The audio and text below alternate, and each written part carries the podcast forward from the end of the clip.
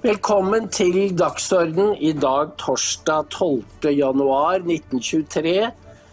Eh, vi har med oss Alf R. fra Spania. Han hadde en eh, kronikk i går om eh, oljeeventyret i nord som gjorde stort inntrykk på meg. Både fordi eh, har så store eh, kunnskaper, og fordi dette er en del av Norge vi søringer vet veldig lite om. Og du ser Når du beskriver dette her, så ser jeg for meg de enorme havområdene i, i nord. Og så hører jeg Lars Haltbrekken på Dagsnytt si at det er kun tillatt å hente opp gass hvis man finner det nær et eksisterende oljefelt. Og da skjønner du at eh, galskapen har overtatt her i sør. Så det som stiger frem av det du skriver, Alf, er jo at det er i nord de virkelig store ressursene ligger. Så hvorfor skal vi ikke benytte dem? Altså, du, Hans, du har så evig rett. Det er, eh, det, er en, det er, en, form for galskap. Det er jo synd å bruke ordet galskap om, eh, om den politiske tenkningen som har vunnet fram. Eh, men den, og den har jo også fanatiske religiøse overtoner. Slik at, at, Hvis du tillater deg å mene noe annet enn det denne gjengen her mener Og, og de har jo, de har jo tilranet seg hegemoniet i Norge. Hvis du ikke er for fred og miljø og mot olje og petroleum, så er du utenfor. Til tross for at petroleum er det som har bygd denne fantastiske velstanden vi alle nyter godt av. Det er fryktinngytende vanskelig å forstå sammenhengen i hva disse folka eh, egentlig vil, og hvordan de tenker. Eh, vi kan ta det som et eksempel. Oljevirksomheten i nord altså nord for 62. breddegrad, åpna i 1980. Det er nå 42 år siden. Eh, alle vet at Snøhvitfeltet ligger i en, i en sirkel.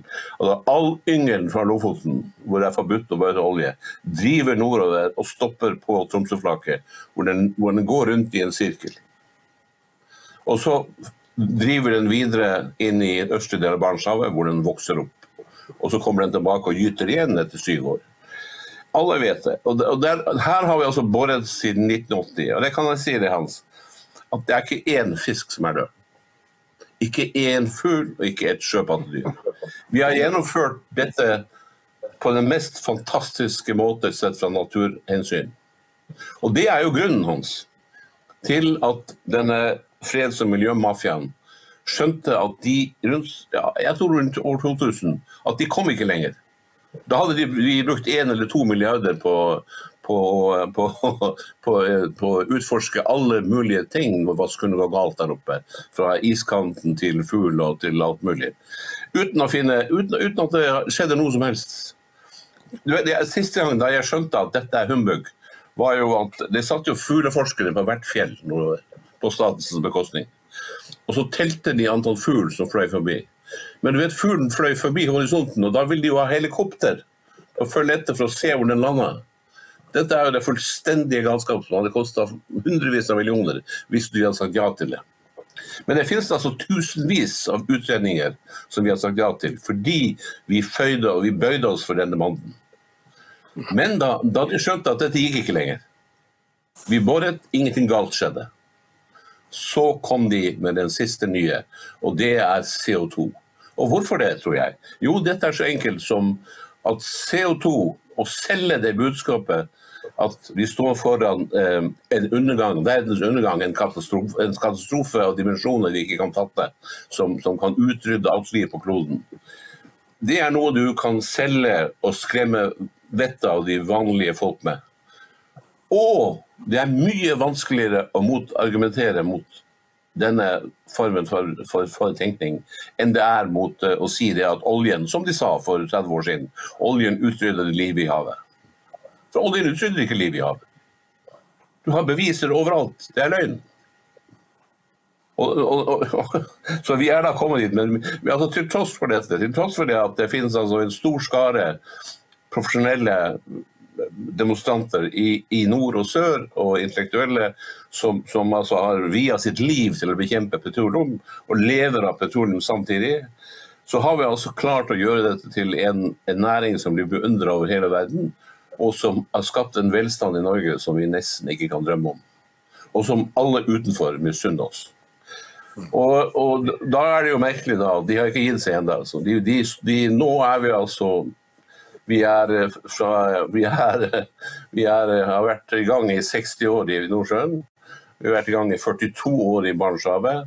Og nå likevel så forsøker de. Det er klart at det de har gjort, det er å stoppe utbygging av et oljefelt som, eh, i Wisting, som kalles det. Som har, eh, som er, har olje for 500 milliarder kroner. Um, det er selvfølgelig penger som vi i, i ytterste grad hadde trengt, både til oss sjøl og til samfunnet utenom. Og de har klart å utsette oljeboringen til, til, til, etter neste valg. Det betyr selvfølgelig, Dette er jo sjakktrekk, dette er politisk spill. ikke sant? Det de håper er selvfølgelig at med disse stadige utsettelsene av, og forsyningene, så skal de en dag kunne avslutte dette og stoppe all utvikling eh, eh, no, utenfor Troms og Finnmark. Eh, det er klart at Ingen kommer til å røre Johan sørpå, for blir, dramatikken blir for høy. Det, går, det, lar seg ikke gjennomføre politisk. Men det er ett sted hvor de kan gjøre det, og det er utenfor Troms og Finnmark. Hvor ironien er selvfølgelig at der finnes kanskje de største gjenværende reservene på sokkelen. Og husk på det, Hans. Vi har tatt opp bare halvparten av det vi har. Oljefondet er vanvittig stort. Og, vi, og det de vil nå, er at vi skal altså la den andre halvparten ligge igjen. Altså Enhver annen nasjon i verden, et eller annet folkeslag, vil jo takke Gud hver dag fordi at vi fikk disse rikdommene. Og så vil vi i hvert fall ha kartlagt og sett på dem, hvor store de er, hvordan vi kan utvinne dem, og så tatt de rasjonelle beslutningene etterpå. Men vi gjør det altså omvendt. Vi skal stoppe før vi har begynt. Og det er jo den prosessen de er i gang med nå. Og hvis ikke vi våkner, så ender vi opp med at vi, vi legger våre, vårt viktigste strategiske område øde. Uten den sivile virksomheten vi trenger. Hvorav oljevirksomheten er, er meget viktig. Og det syns jeg var så lærerikt med din kronikk, nemlig at du fikk frem sammenhengen mellom utvinning i nord og den kompetanse du da bygger opp. Eh, ingeniørkunst, dette fantastiske Goliat-plattformen det vil eh, få, til virksomhet i nord, altså i Finnmark, som, som de sårt trenger. Og det vil være den viktigste bastionen mot Russland. Det er, det er, det er helt riktig. Altså. Uh, vi er jo Vi var jo da altså Vi er jo de utvalgte blant nasjoner på en måte. Fordi vi hadde levd av hvalfangst som tok slutt i 1968 av de marine, de marine oljene. Året etter, 1969, så fant vi altså jordolje på Ekofisk-feltet.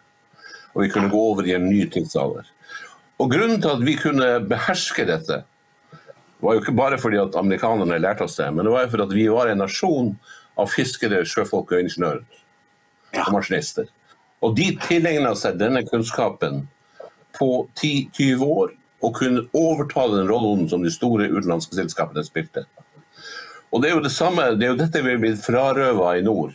At Vi har ikke fått den effekten som du ser på Vestlandet, hvor det er skapt altså, i kjølvannet og som sideeffekter av oljevirksomheten en mengde bedrifter en, som eksporterer varer og tjenester over hele verden. Det har vi ikke fått i nord. Fordi denne, denne, denne, denne, letingen etter petroleum i nord for det første har den jo vært vanskelig, men den har jo vært av og på, slått av og på av politiske grunner. Og Det er jo det vi ser nå. Nå er det jo det grønne skiftet som styrer dette. Man skal altså bruke massive subsidier til ting som, som overhodet ikke vil redde kloden. Det klassiske eksempelet er elektrifisering av Melkøya til 14 milliarder. Mens vi altså ikke skal sørge for at vi bygger de løsningene som gjør det mulig å få på land og utnytte ressursene som allerede ligger der. Dette er jo etter mitt skjønn en av de største politiske skandalene vi står overfor. Og, eh, og eh, dette har vært gjenstand for stadig nye utredninger på typisk politikermaner. Eh, En ny rapport kommer i vår, og hvis ikke den virkelig tar et oppgjør og legger frem løsninger som du kan ta stilling til og gjennomføre, så betyr det kun én ting. At vi åpner nå Arktis, det som, det som, det som verdenssamfunnet har gitt oss forvaltningen over, for andre. Hvis du, eh, vi snakker jo om enorme områder. Da vi 200-milsgrensen ble innført, så fikk vi altså uh, herredømme over, over hele Barentshavet, eller store deler av eh, og til et område som løper bare 600 km fra Polen. Så vi har altså påtatt oss et enormt ansvar på vegne av verdenssamfunnet, og, via folkeretten har gitt oss dette. Men hvis ikke vi gjør vår del, og gjør noe for å vedlikeholde vår suverenitet, og for å vedlikeholde det ansvaret som verdenssamfunnet har gitt oss, så kommer jo vår folkerett til å forvitre. Og en av, de større, en av de viktigste vilkårene er jo selvfølgelig at det bor folk langs kysten. At det er økonomisk virksomhet, at det er bedrifter langs kysten. Nå er det jo regjeringen i ferd med å drepe bedriftene. Jeg snakker ikke om de store, altså våre, våre milliardærer som får nok kjeft i avisene hver dag, som klarer seg alltid. Men det vet Hans at, og det vet du, det er likedan på, på Eidsvoll som det er eh, der hvor jeg kommer fra i nord. At det finnes verdiskapere som hver dag tar på seg kjeledressen. Og så går de enten ut i skauen, eller så går de ut på jordene sine, eller så går de ut i fiskebåten eller på, i laksenøttene. Og så har de en bedrift som kanskje sysselsetter 10-15-20-30 personer. Og de jobber hver dag. Og de, og de overlever kriser. Og, de, og, så har de noen gode år. Og så kommer vi og så skal vi beinskatte de. Det høres jo ingen steder hjemme. At du skal ha ut, for de må ta ut svær utbytte for å betale den skatten de er pålagt.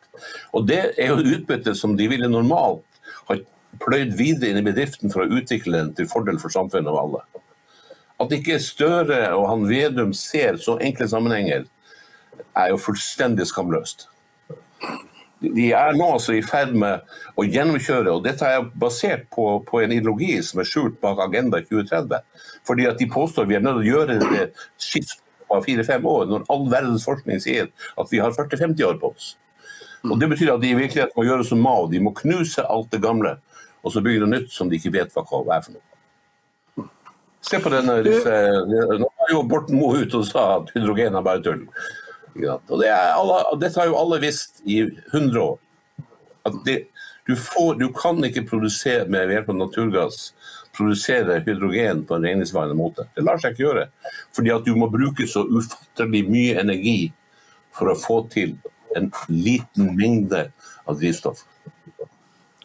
Disse metodene ble utvikla i Hitler-Tyskland. De ble brukt av, av Sør-Afrika under apartheid. Så dette er ikke, noe, det, er ikke noe, det er ikke noe nytt i historien. Vi vet dette her. Alle vet dette her. Så dette her vil alltid, alltid bli drevet med statsstøtte. Jeg, må, du, jeg, jeg husker at da Støre var utenriksminister, så forberedt, forberedte de en, et, et oljeeventyr i nord. Og eh, du husker jo han vennen til Støre, Sjudi Madsen. Eh, det ble det jo en skandale rundt fordi det var en litt for tett forbindelse. Og så var det Bjørn Dæhlie her nedefra som kjøpte noen havneområder oppi, eh, eh, helt oppe i nord. Altså, De trodde jo den gangen at det skulle komme et oljeeventyr, og forberedte seg på å tjene penger på det. Alle, så, alle, alle, det er riktig. Alle trodde det. Alle trodde det at Altså vi, vi har, eh, I nord så har vi jo bare åpna det vi kaller for, eh, for, Finnmark sør, og litt av Finnmark øst. Havet er jo delt inn i ulike soner. ikke sant? Men vi har jo alle trodd at, eh, at etter at delelinja kom på plass, så ville vi finne mye på vår side av grensen som russerne har funnet på sin side av grensen. Og at det ville gjøre Kirkenes og Øst-Finnmark, eh, som, som, jo har store problemer. Vardø, Vardø by f.eks. har jo halvert folketallet de siste 20 år. Eh. Så, så her trenges det virkelig noe som kan sette nytt fart og ny optimisme i dette. Eh, dette har jo ikke slått til, men vi har jo bare, vi har jo bare, bare to eller tre brønner, så vi vet jo ikke hva som finnes der oppe. Men, og, da, og, da, og da er klart at men Støre og alle disse her karene trodde jo på det. Og en annen ting vi trodde på selvfølgelig var at Russland, hvis vi viser hvis vi nå viser det, det bildet som heter, er nummer åtte um, så ser vi jo dellinjen uh, Den gamle skissert uh, og, og gassfunn med, gul, med, gule, med, med, med, gule flekker på venstre side av kartet. Og vi ser Novaja Semlja. Men det, det, du ser er at det russiske sokkelområdet, det russiske området rundt Novaja Semlja, særlig i Karahavet og på halvøya som heter Jamal og Gydam, så er russerne i ferd med å utvikle et nytt eh, Saudi-Arabia, altså et nytt Kuwait, hvor de produserer enorme mengder olje og gass. Eh, til dels, til dels med teknologi som de har fått fra oss. Eh, og dette går jo dels gjennom Nordøstpassasjen, men det går også til eh, vestover. At, at, hvis verden ikke hadde gått av hengslene med krigen i Ukraina, så hadde du jo kunnet sett for deg et samarbeid. Fordi at russerne har veldig bruk for vår teknologi til å gjennomføre sikker utvinning og sikker transport. Og vi kunne ha gjort, vi kunne ha gjort Nordvest-Russland og Nord-Norge til, til, til, et virkelig et virkelig gunstig sted for hele verden å dekke, å dekke verdens energibehov. Husk på at det er tre milliarder som overhodet ikke har energi i det hele tatt. Så, så behovet for energi er, er der overalt. Og, og, når vi nå en gang kommer til å bli ferdig, for vi kommer til å bli ferdig, men vi må kanskje gjennom en krise først, med det såkalte grønne skiftet, så vil du se det at, at de i Afrika og i Asia som ikke har vår velstand, de vil fortsatt rope etter energi. Og de som kan levere fortsatt, og vil levere, de vil bli meget velstående. Fordi vi har altså teknologien, vi har kunnskapene og vi har erfaringene. Så, eh, så um, Men det var jo mye eh, snakk Det var mye snakk om Stockmann-feltet på den tiden. Og jeg mener å huske at Støre posisjonerte seg, for den gangen var Barentssamarbeidet veldig hot posisjonerte seg for at Norge skulle samarbeide med Russland i nord. Ja, det, det, det, gjorde vi. Det, det, det gjorde vi. Altså, Statoil hadde jo et kontor i Russland, i, i Moskva, i årevis. Eh, og vi hadde jo et stort samarbeidsprosjekt om Stokmann. Det som er, Stokmann er jo avsindig stort. Det er jo eh, ti ganger større enn Snøhvit, f.eks. Så det inneholder jo en enorm mengde. Problemet er jo at det ligger nesten i isen. Og, og, eh, og, det er eh, veldig langt hvis du skal ha plattformer uh, der oppe. Og fly og frakte ting. Og det, det, det, Inntil videre så har russerne valgt å, å, utvikle de kjempestore funnene som de har gjort på tundraen litt lenger øst. Men Stockmann hviler der, og en masse andre felt slik at, at, at, at Russland her i nordvest, i hele dette området fra det østlige Barentshavet til, til Karahavet og, og, og disse eh, området mellom disse elvene Ob og Jenisei sitter jo på eh, verdier som du kan sammenligne med Mexicogolfen eller med, med, med Saudi-Arabia Kuwait, det området der. Og, og, ehm, vi vet jo at eh, de nasjonene er på vei ned. De, de hadde sin storhetstid for 20 eh, år siden. Og eh, når de, når de passerer De har vel passert peak oil for lenge siden, altså maksimum produksjon. Mens russerne er på vei opp.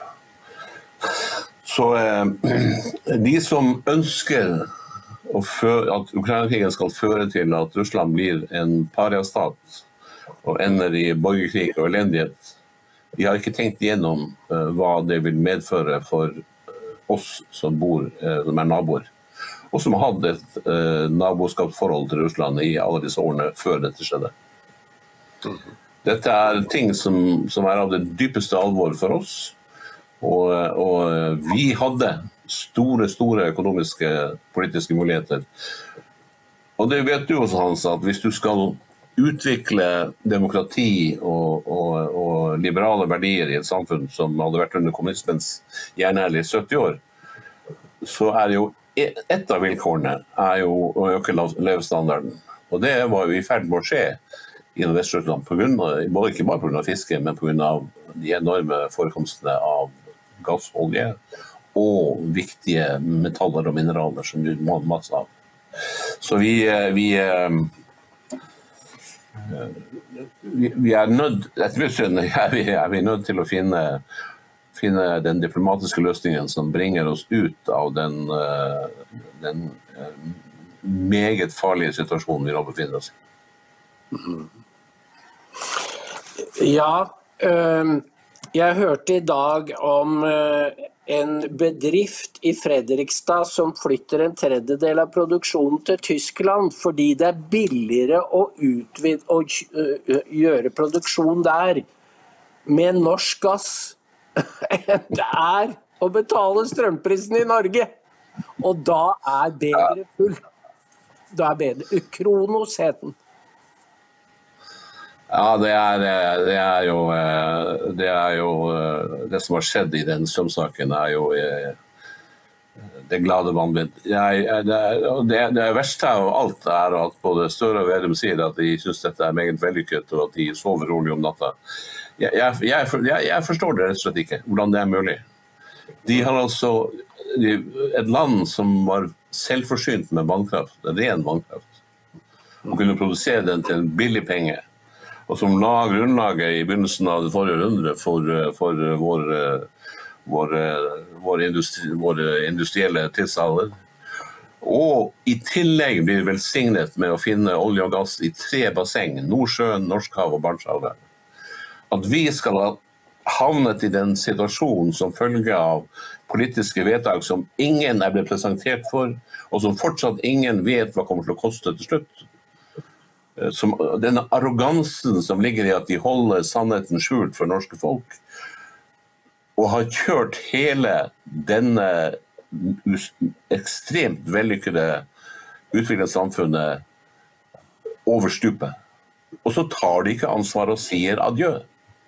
Vi, er, er, jeg føler på en måte at når de er skrumpa nå ned til eh, Senterpartiet er vel snart på 3 og Arbeiderpartiet er på vei mot 16 det er klart at det er til sammen 14% 16-17-18 Hvordan kan de tillate seg å kjøre land over stupet?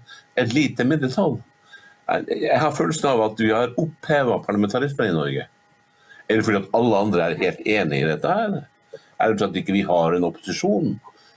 Hva er det de vil? Tror de virkelig i sine villeste drømmer at, eh, at, eh, verden vil gå opp i røyk og ild i, i, i 2032. Det er jo ingen som tror det. Det er kun, det er kun i Oslo-gryta. Her i Spania hvor jeg bor, finnes det, det finnes ikke én elektrisk bil. Ikke én. Det finnes ikke én landstasjon, og det er ingen som snakker om det. Det er kun i Norge og i Tyskland. Det er dramatisk. Norge er dessverre har fått en politisk rase som er ukjent i resten av verden. Og Det er selvfølgelig derfor John Kerry kommer til Norge, for de er de eneste som vil være med på det gammelkjøret hans. Det er jo, eh, det er jo trist, å, det er trist å si det, men det er en, det er en politisk rase som, eh, som, eh, som, som ja, Jeg tror ikke engang de er ideologisk drevet. Begge vi som kjente Elmen Røsler, der var det iallfall de, de hadde en, en, slags teori hvor gal den måtte være. Men hva disse karene ser, og kvinnene ser, som sluttresultat, når de sjøl sitter med sine villaer til 50 millioner, både i inn- og utland, eh, mens en minstepensjonist som har 15 000 i måneden, skal betale halvpart av det i, i, for, å, for, å, ikke fryse i hjel om vinteren, da, da, har de kjørt eh, et vellykket land kjørt det nesten slik til en feila stat. Vi er på vei til å bli en forfeila stat, Norge. Fordi at den industrien langs kysten, disse små bedriftene, de små fiskebåtrederiene, de store fiskebåtrederiene, shipping, eh, alle disse tingene vi lever av, de kommer, å- de kommer ikke til å tåle avgifts- og skattetrykket nå. Og det verste av alt, at de kommer til å miste motet. Det er de gründerne, disse her som jobber dag og natt for å få til noe. Hvorfor i all verden skal de stå på og ofre seg hvis staten hopper i strupen på dem og tar det lille overskuddet de har? Fordi, fordi de skal gjennomføre et politisk prosjekt som ingen skjønner noe av. Ikke i Norge og ikke i utlandet. Og som de ikke engang gidder å begrunne ordentlig i, i dokumentene som er lagt fram. Se i dokumentene, det er ikke ett tall. Det er ikke ett tall hvor det står hva strømprisen vil bli i 2040. Det finnes ingenting som hvor mye subsidienivået vil være i 2040. Det er jo frekt. Det er jo nesten, som jeg sier, at, eh, at eh, det er på tide at eh, at den politiske klassen lærer seg hva ansvaret er. De burde gå av. Kjære seer. Hvis alle 5000 seerne som ser på, vippser 10 kroner, sikrer dere Dokk-TV-budsjettet i en halv måned. Om alle 5000 seerne vippser 20 kroner, sikrer dere Dokk-TV i én måned. Så lenge vi jobber sammen og alle bidrar, om så bare litt, så kommer vi en lang vei. Det hviler på oss, altså på deg og meg, å sørge for at sannheten kommer fram. Og at Document bevarer sin rolle som det medier egentlig skal være, en vaktbikkje. Uten dere så klarer ikke vi det. Og uten oss så sitter dere igjen med medier som løper myndighetenes ærend. Vips til 638941. 638941. Fordi ditt bidrag gjør en enorm forskjell. Det virker jo nærmest som om eh, den politiske klassen har foretatt et rykk. Akkurat som i, i skirenn eller maraton, hvor de rykker fra hovedfeltet og kjører helt sitt eget løp. De gjorde det under pandemien, og de har gjort det nå etterpå med blanding av det grønne skiftet og krigen. Og Og de, ja. og de, de rykker fra er folket. Ja, de rykker Altså, de trekker opp stigen etter seg og bykser inn i en fremtid, nærmest som Mao gjorde med det store spranget. Og um, det, det er jo blitt sagt, vet du, at kineserne sitter og koser seg og ser på den kulturrevolusjonen i USA. Fordi de, med kritisk raseteori og alt dette tullet, fordi de kjenner det igjen fra kulturrevolusjonen til Mao. Og det holdt på å ødelegge Kina. Det er, jo, helt, det er jo helt åpenbart det at de, de våre rivaler i, i Asia og i andre land og i islamske land Det er klart at de sitter rolig tilbake nå i stolene sine og ser at Europa ødelegger seg sjøl. Og, og Det er jo bare å se på Norge. Vi er, vi er, altså et vi er kanskje det rikeste landet i verden. Eh, Og vi har et bitte lite forsvar. Vi er ikke i nærheten av 2 %-målet i Nato.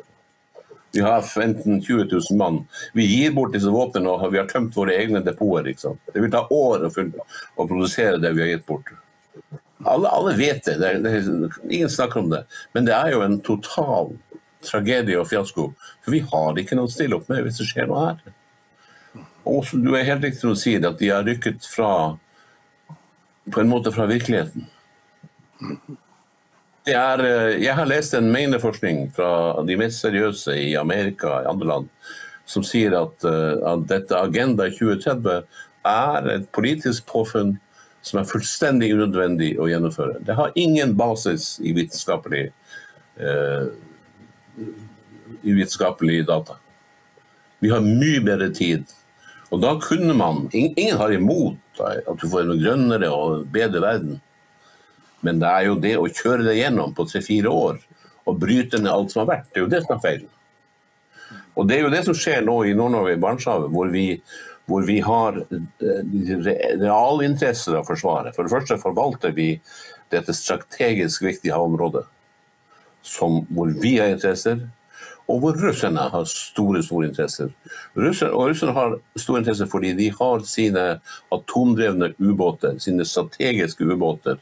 De som skal holdes i reserve hvis det blir en atomkatastrofe, en atomkrig, mellom stormaktene. Og de skal de gjemme under isen, Og hvis det går riktig galt, så skal de altså avfyre sine, sine være i stand til å avfyre sine raketter som en gjengjeldelse fra posisjoner oppe i nord.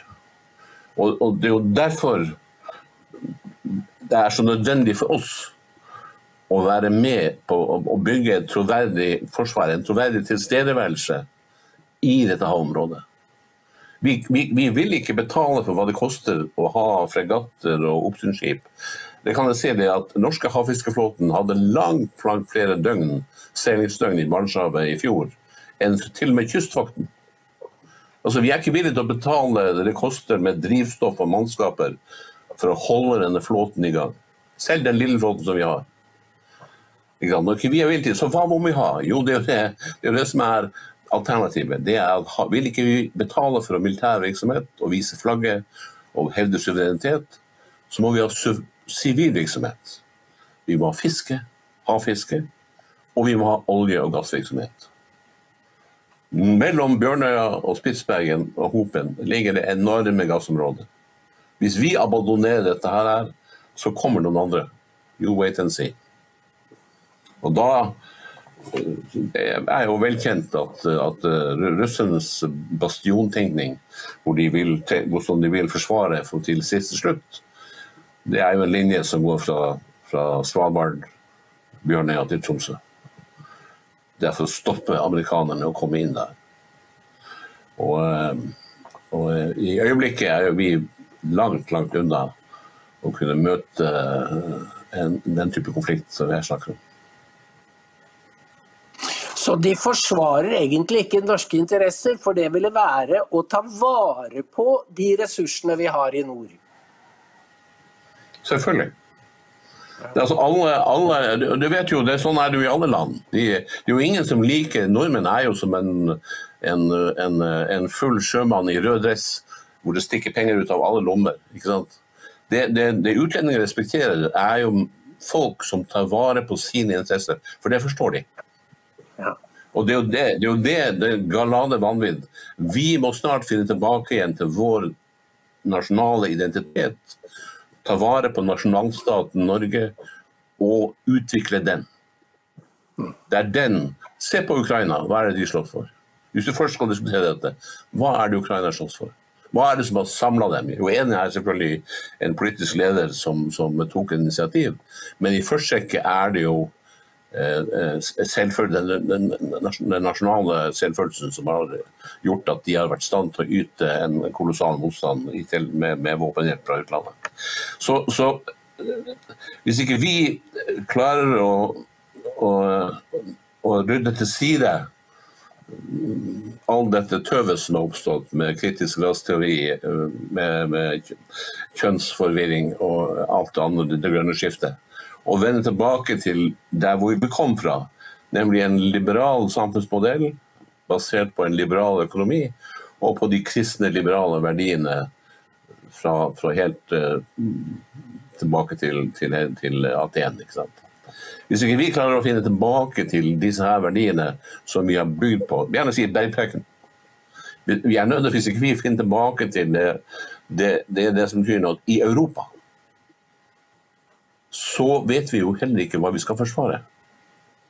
Da kan man jo la det bare gå. Hvis alt, hvis alt er, like, hvis alt er likegyldig.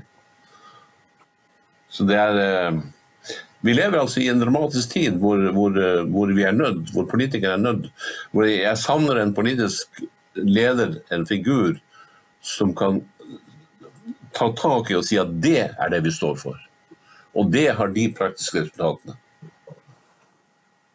Og, og, og klart å jobbe og åpne Barentshavet for, eh, for fortsatt eh, olje- og gassvirksomhet med rasjonelle løsninger, med, og gjerne med statsstøtte for alt. Det, det vil jo være et, et, um, et, et, meget viktig trekk i den videre nasjonsbygging. Fordi vi med de pengene, hvis, hvis vi snakker om halvparten, selvfølgelig kunne bygge et nytt fond i tillegg til det vi allerede har. Og et fond vet du, det er, en, det, er, det er, ikke noe som forsvinner.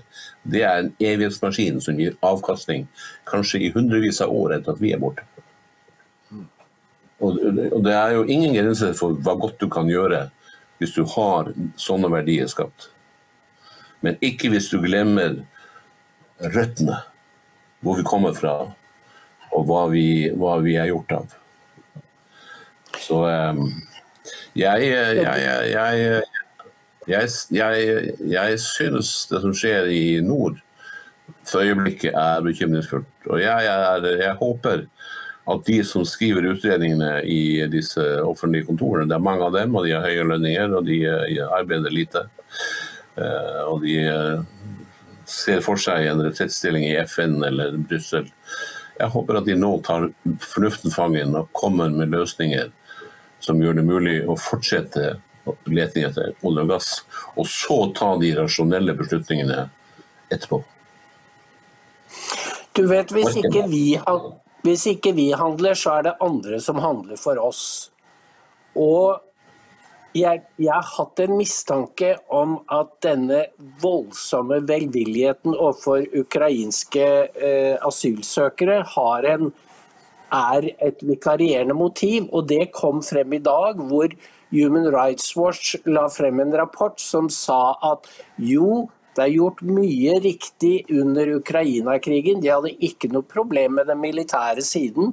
Men neste gang så må Vesten være like tolerant overfor flyktninger fra Midtøsten. Altså, de skal ha en aksept for fri innvandring eh, ved neste konflikt, og fra Afrika. Ja, det er, det er, det er, det er klart at et kulturland som oss, vi skal, vi skal hjelpe. og Det ligger i vår, så å si, i vår folkerett. Men fri, det, er skrittet derfor, det er ikke fri innvandring eh, fra krigssoner som vi snakker om. Det er ikke det som er svaret. Hvis vi, vår kultur skal overleve overhodet, så er vi nødt til å føre en, en, en, en streng innvandringspolitikk. Og det ser du, bare kast et blikk på hva som har skjedd i Sverige, så skjønner alle det uten videre. Hvis det, det som er norsk skal overleve, så er vi nødt til å føre en streng og restriktiv innvandringspolitikk. Og ikke bøye oss for disse halvkvedede visene du nå hører. Hvilket argument, vikarierende motiv de bruker, så er det klart at en, en av tingene i, i, en, i, en, nasjonal politikk, det er at du eh, er meget nøye med antallet folk fra andre kulturer du slipper inn, og du er meget nøye med at de tilpasser seg vår kultur. Og at du reagerer hvis de ikke gjør det et Oslo som nå snart er i klanenes vold, er ikke det vi ønsker. Det er ingen politiske partier som ønsker det heller. Men de vil ikke gjøre noe med det. Men du vet, når du sier vi har opphevet parlamentarismen, hvis du tenker på da hvordan eh, begrepet iskanten er blitt brukt av NRK og SV-politikere, hvordan isbjørner er blitt brukt, at nå dør isbjørnene. Jeg hørte jo nettopp at det har aldri vært så mye isbjørner som det er nå. Men du vet Det er riktig. Det, tre det dit. Ja. Nei, det er, jo, det er jo dessverre så jeg, Du vet jo at både du og jeg har vært journalister lenge. og, og de karene som snakker i, i disse media, de har ikke lest for mange av disse rapportene. Iallfall ikke i min tid. Så, eh, så, eh, så eh, det, det, er jo synd. Og, og, og, og, grunnen til at jeg er veldig glad for at dokumentet er til, er jo at denne ensrettingen. Altså at de kan komme frem med sånne vrøvlhistorier som om iskanten og isbjørner. iskanten. Altså, vi har, vi har bevist at du kan altså drive petroleumsvirksomhet i dette området i 42 år uten et eneste uhell. Det er ikke en fisk som er død. Ikke en eneste fisk. Så å komme med dette vrøvlet om at det er problematisk i iskanten, er bare tull. Og Det er jo det grunnen til at de, de mer eller mindre har gitt opp dette som argumentasjon, og erstatta det med noe som er mye vanskeligere å motbevise, nemlig CO2-utslippene. De angivelige farene knyttet til det. Det er hovedgrunnen. For de kommer ikke noen vei med iskanten og død fisk og døde pattedyr og at isbjørnene dør ut osv. Det er bare tøys. Alle skjønner at dette er løgn. så kan jo jeg spørre, du spør meg like mye som vi er journalister begge to. Hva er det som har skjedd? Hva er det som gjør at i vår bransje så du, Det er sikkert mange som mener at vi journalister er notoriske løgnere uansett. Men, men, men, men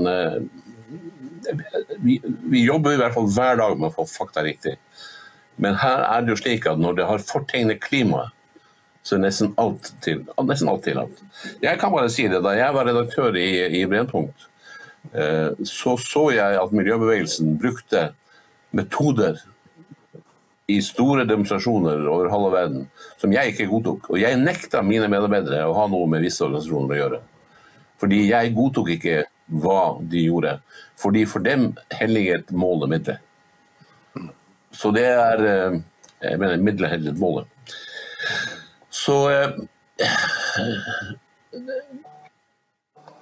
Dokument har en ekstremt viktig oppgave sammen med andre alternativer å være et korrektiv til den systematiske ensretting som nå foregår, ikke bare i Norge, men over hele verden. Hvor du faktisk, hvor du faktisk ved hjelp, og det er jo antageligvis det neste som kommer til å skje, at du ved hjelp av high-tech-selskapene tar kontrollen over informasjonsflommen over hele verden. Og det er jo den virkelige skremmende tanken.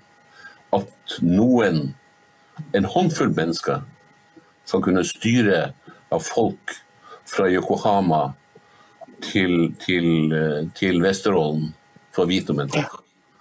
Og hvis du, hvis, du, hvis du, gir en alternativ, hvis du gir den sanne alternative forklaringen, så er du en utstøtt.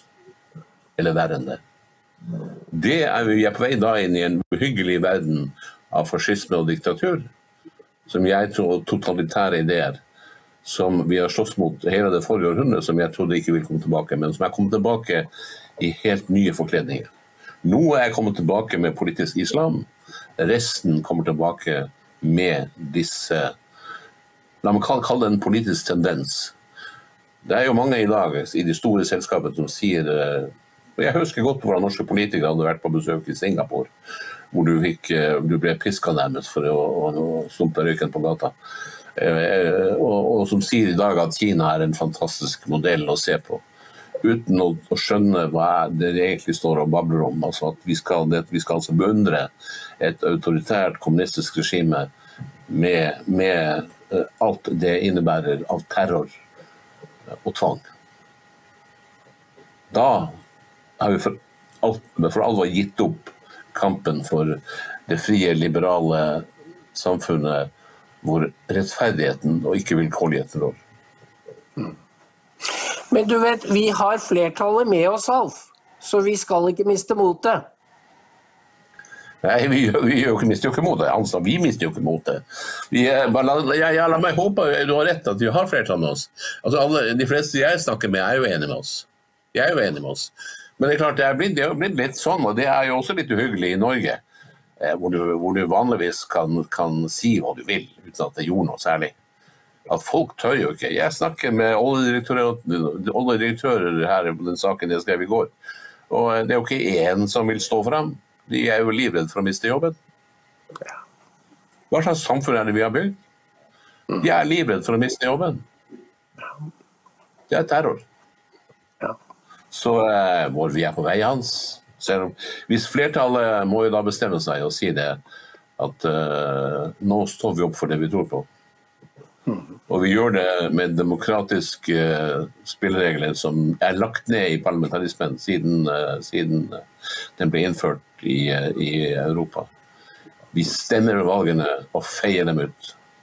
Og erstatter dem med politikere som, som er villige til å lytte og gjøre folkeviljen representerer folkeviljen, og ikke noe, noe du ikke vet helt hva er utenfor landets grenser. Du kommer med flere kronikker om, eh, som slekter på den du hadde i går.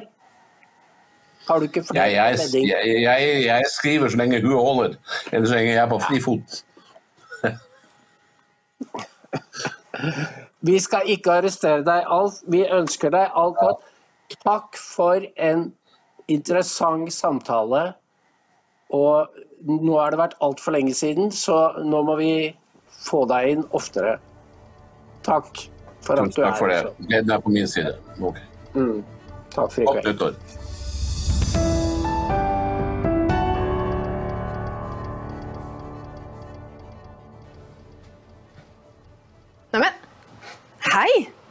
Har du også antistatlige holdninger? Ja, da har du kommet til rett sted. Da er Dokk-TV noe for deg. Men for at vi skal kunne lage Dokk-TV, så er vi avhengig av din støtte. Vips et bidrag til 63 89 41. Takk.